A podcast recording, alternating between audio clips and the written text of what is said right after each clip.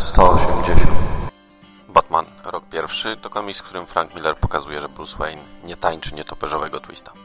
Dla Millera Batman jest mrocznym mścicielem z naciskiem na to mroczny. W tej historii, zilustrowanej przez Davida Mazzucchelliego i pokolorowanej przez Richmond Lewisa, poznajemy genezę człowieka nietoperza. I to niejako dwutorowo, ponieważ poznajemy jego historię zarówno z punktu widzenia wkraczającego dopiero na swoją ścieżkę Batmana, jak i świeżo przeniesionego do GCPD porucznika Gordona.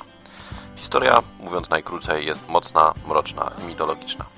Od początku pełna przemocy i to serwowanej każdemu przez każdego. A to detektyw Flass, partner Gordona, bije jakichś nastolatków, a to nastoletnia prostytutka wbija nóż w do Bruce'a, a to koledzy dają nauczkę zbyt prawomyślnemu Jamesowi, to znów on odgrywa się na jednym z nich. Ale po kolei. Do miasta przybywa porucznik Gordon, przeniesiony z Chicago. Jednocześnie przylatuje też po 20-letniej nieobecności Bruce Wayne. Obaj poznają, jeden po raz pierwszy, drugi ponownie, jakim cudownym miastem jest Gotham. Gordon doświadcza tego, że nie warto być porządnym gliną, a człowiek jeszcze nie nietoperz, że zwyczajnie próbując dać Alfonsowi w mordę, niewiele się zdziała. I wtedy następuje przełom. James spuszcza manto Flassowi, a zakrwawiony Bruce doznaje olśnienia po tym, jak nietoperz wlatuje przez okno i siada na popierszu jego ojca. Obydwaj zaczynają wtedy nieustępliwą walkę z przestępczością, zarówno tą zwykłą, narkotykową, jak i tą polityczną. Obaj jednak popełniają wiele błędów i wiele muszą się jeszcze nauczyć. Gordon wikła się w romans z Sarą Essen, Batman zaś staje się zwierzyną łowną dla jednostki specjalnej. W ten czy inny sposób udaje się im obu wydostać z potrzasków, jakie sami wmaszerowali. I tu objawia się kunszt Millera.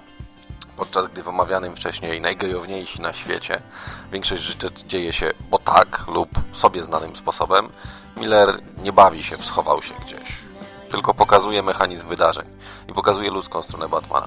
Uleba jest on prawie tak niezniszczalny jak Superman, a w roku pierwszym podnosi rany, czuje ból i wchodzenie po ścianie sprawia mu trudność. Już na starcie wita nas zdanie, ten komiks jest adaptacją. I rzeczywiście, Frank Ameryki w nim nie odkrywa. Robi jednak coś niezwykłego i jednocześnie genialnie prostego. Pierwszy to zebrane, skomasowane jakby najważniejsze mity Batmana. Pojawiają się tam różne postacie, idee i wydarzenia, które fanom Mrocznego Rycerza stały się bliskie przez pierwsze pół wieku jego historii. Miller wielkim scenariuszowym tyglu miesza to wszystko i doprawia tak, aby pasowało do współczesności. Pozornie dokonując jedynie kosmetycznych zmian na tym, co stworzyli Finger, Kane i Robinson, w rzeczywistości robi z Batmana bohatera na miarę nowych czasów. Mitologicznego Herosa, który już wkrótce miał ponownie porwać tłumy czytelników na całym świecie i znów stać się jednym z najpopularniejszych i chyba największym komiksowym bohaterem przełomu wieków. To nieco o rysunkach. Mazzucchelli ma styl bardzo zbliżony do Millerowskiego więc dobrze pasują do opowiadanej historii. Są wyraziste i dynamiczne, kiedy wymaga tego fabuła. Jego kreska jest dość gruba, w miarę prosta, miejscami nawet niemal schematyczna i przez to trochę toporna, co dodaje historii dodatkowego ciężaru.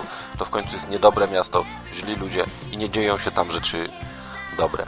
Kolory, których używa Louis też nie nadają historii wesołego nastroju, wszystkie są jakby spłukane, przytłumione. Tak jak w warstwie scenariusza Miller opowiada na nowo stare mity, tak samo w sferze obrazka David robi tysiące drobnych wypadów w przeszłość. Niektóre z nich to tylko nawiązania i trybuty, inne to dosłowne cytaty, jak chociażby scena walki z prostytutkami, która została co do detalu skopiowana z The Man Who Falls i Giordano. Można znaleźć także inne smaczki. A znacie Edwarda Hoppera, a jego obraz Night House? W roku pierwszym Gordon i jego kochanka siedzą sobie w takiej właśnie knajpie o nazwie Hopper.